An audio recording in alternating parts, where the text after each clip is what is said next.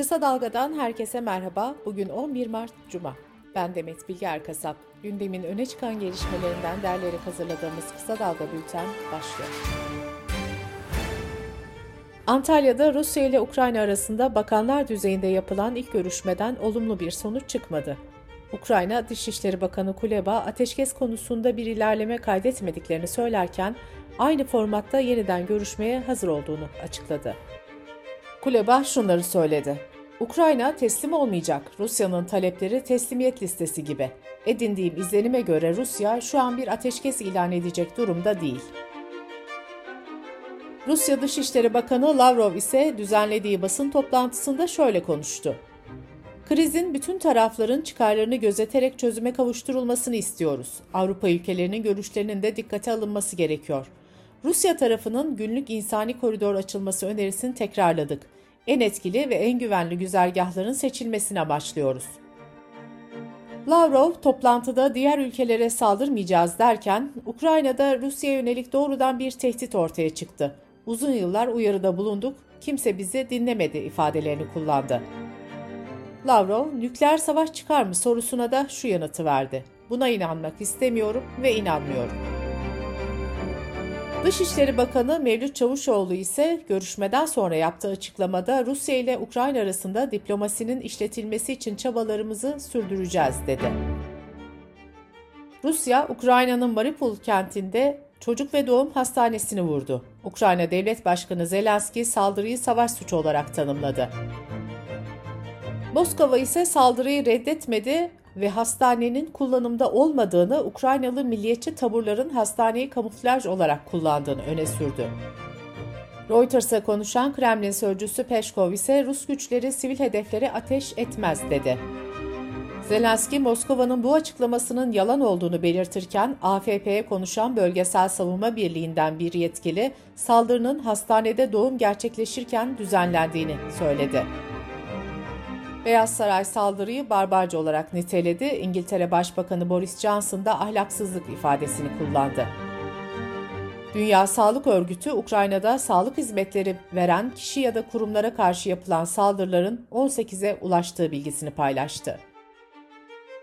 CHP Genel Başkanı Kemal Kılıçdaroğlu önceki gün gittiği Diyarbakır'da ziyaretlerine devam etti. CHP üye olan 1300 kişi adına 53 üyeye rozet takma törenine katılan Kılıçdaroğlu şöyle dedi.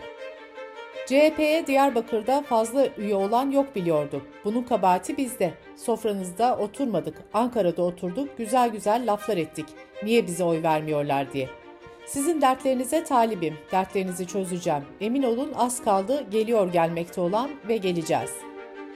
Toplum olarak helalleşmek zorundayız diyen CHP lideri Diyarbakır Hapishanesi'nin İnsan Hakları Müzesi'ne dönüştürülmesi gerektiğini söyledi. Ankara'nın Çubuk ilçesinde Kılıçdaroğlu'na yönelik linç girişimiyle ilgili davada savcı esasa ilişkin mütalasını açıkladı. Kılıçdaroğlu'na yumruk atan sanık Osman Sarıgün'ün hakaret ve yaralama suçlarından 3 yıl 10 aya kadar hapisle cezalandırılması istendi. Olaylar sırasında Kılıçdaroğlu'nun sığındığı evin dışında yakın o evi diye bağıran Sevim Gölyeri hakkında ise suç işlemeye alenen tahrik, kamu görevlisine karşı görevinden dolayı hakaret ve kamu görevi nedeniyle bir kişiyi birden fazla kişiyle birlikte hürriyetinden yoksun kılma suçlamalarıyla 24 yıl 8 aya kadar hapis cezası talep edildi. Ankara Cumhuriyet Başsavcılığı, Türkiye İşçi Partisi Genel Başkanı ve İstanbul Milletvekili Erkan Baş hakkında Cumhurbaşkanına hakaret suçlamasıyla dokunulmazlığının kaldırılması için fezleke hazırladı.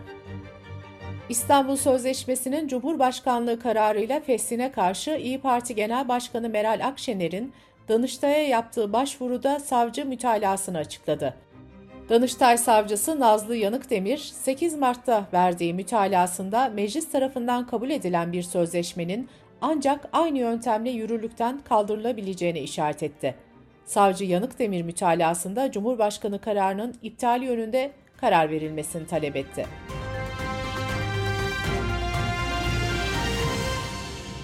Sırada ekonomi haberleri var. Akaryakıt fiyatlarına önceki gün yapılan zamlar aynı gün akşam saatlerinde geri alınmıştı. Zamların iptal olduğu yönündeki açıklamayı Enerji, Petrol, Gaz İkmal İstasyonları İşveren Sendikası yapmıştı. Bu durum sendika ile Enerji Piyasası Düzenleme Kurumu'nu karşı karşıya getirdi. EPDK Başkanı Mustafa Yılmaz şöyle dedi. Zam kararı yoktu ama böyle bir beklenti vardı. Fiyatlar gece 22'de netleşecekti. Bazen ham petroldeki düşüş işlenmiş akaryakıtta aynı oranda düşmemiş olabiliyor. Fiyatları görmeden bir şey söylemek doğru değil. Sendikanın yaptığı yanlıştı. Bununla ilgili savcılığa suç duyurusunda bulunduk. Sendika ise Yılmaz'ın açıklamalarına Twitter'dan şu yanıtı verdi. Verdiğimiz tüm bilgiler belgeli ve resmi bilgidir. Bu zamma ilişkin resmi fiyat listeleri, resmi formülleri ilgili savcılığa teslim etmek istiyoruz. Ülkemizde zam ya da indirim hesaplaması yasa ile belirlenen formülle yapılmaktadır. Bu formüle 3 defa EPDK müdahale ederek zamları iptal ettirmiştir. Ankara'da özel halk otobüsü ve minibüs şoförleri akaryakıt zamlarını protesto için kontak kapattı. Ankara Büyükşehir Belediyesi önünde toplanan otobüs ve dolmuş şoförleri akaryakıt zamları nedeniyle toplu taşıma ücretlerine en az 10 lira zam yapılmasını istedi. Türkiye İstatistik Kurumu Ocak ayına ilişkin iş gücü istatistiklerini yayımladı. Buna göre işsiz sayısı Ocak ayında bir önceki aya göre 21 bin kişi artarak 3 milyon 859 bin kişi oldu. İşsizlik oranı ise değişim göstermeyerek %11.4 seviyesinde gerçekleşti. Merkez Bankası'nın brüt rezervlerinde gerileme 4 Mart haftasında da devam etti. Brüt rezervler 113.1 milyar dolardan 110.3 milyar dolara geriledi. Net rezervler ise 4 Mart haftasında 18.1 milyar dolar oldu. Türkiye İstatistik Kurumu verilerine göre inşaat maliyetleri Ocak ayında bir önceki aya göre %15.24, bir önceki yılın aynı ayına göre %79.91 arttı. Dünya piyasalarının merakla beklediği karar Avrupa Merkez Bankası tarafından açıklandı. Uzun süredir faiz oranını sıfır seviyesinde tutan banka Mart ayında da faizleri değiştirmedi. Piyasaların beklentisi de faizde bir değişiklik olmayacağı yönündeydi. Bültenimize COVID-19 gelişmeleriyle devam ediyoruz. Türkiye'de ilk COVID-19 vakasının tespit edildiği 11 Mart 2020'den bu yana yaklaşık 14 milyon vaka görülürken 94 bin kişi hayatını kaybetti. Türk Tabipleri Birliği Merkez Konseyi Yürütme Kurulu Başkanı Şebnem Korur Fincancı, Covid salgınının 2 yılını değerlendirdi. Profesör Doktor Fincancı şu bilgileri verdi. Türkiye'de tam aşılı olanların oranı %35'i geçmiyor. 95 bin insanımızı yitirmiş görünüyoruz ancak ertelenmiş sağlık hizmetlerinden yitirdiğimiz insanları da kattığımızda 269 bin insanı aşan kaybımız var. Bunların tamamı önlenebilir ölümlerdi. Türkiye'deki salgın tedbirlerinin gevşetilmesine Türk Klinik Mikrobiyoloji ve Enfeksiyon Hastalıkları Derneği Başkanı ve Sağlık Bakanlığı Bilim Kurulu üyesi Profesör Doktor Serap Şimşek Yavuz'dan itiraz geldi. Türkiye'de vaka ve ölüm sayılarının yüksek olduğunu belirten Yavuz şöyle dedi. Şu anda öncelikle yapılması gereken aşıları tamamlamak ve çocuklarda aşıyı gündeme almaktır. Senaryolardan en olumlusu ilkbaharda vakaların düşmesi, yazın çok az vaka görülmesi. Sonbaharda ise omikrondan daha az vaka sayısına yol açacak bir dalga yaşanabilir. Ancak bu olumlu senaryonun gerçekleşmesi yeni bir varyantın ortaya çıkmamasına bağlı. Salgın devam ediyor. Önlemlerin azaltılmasını önermiyoruz, önermedik.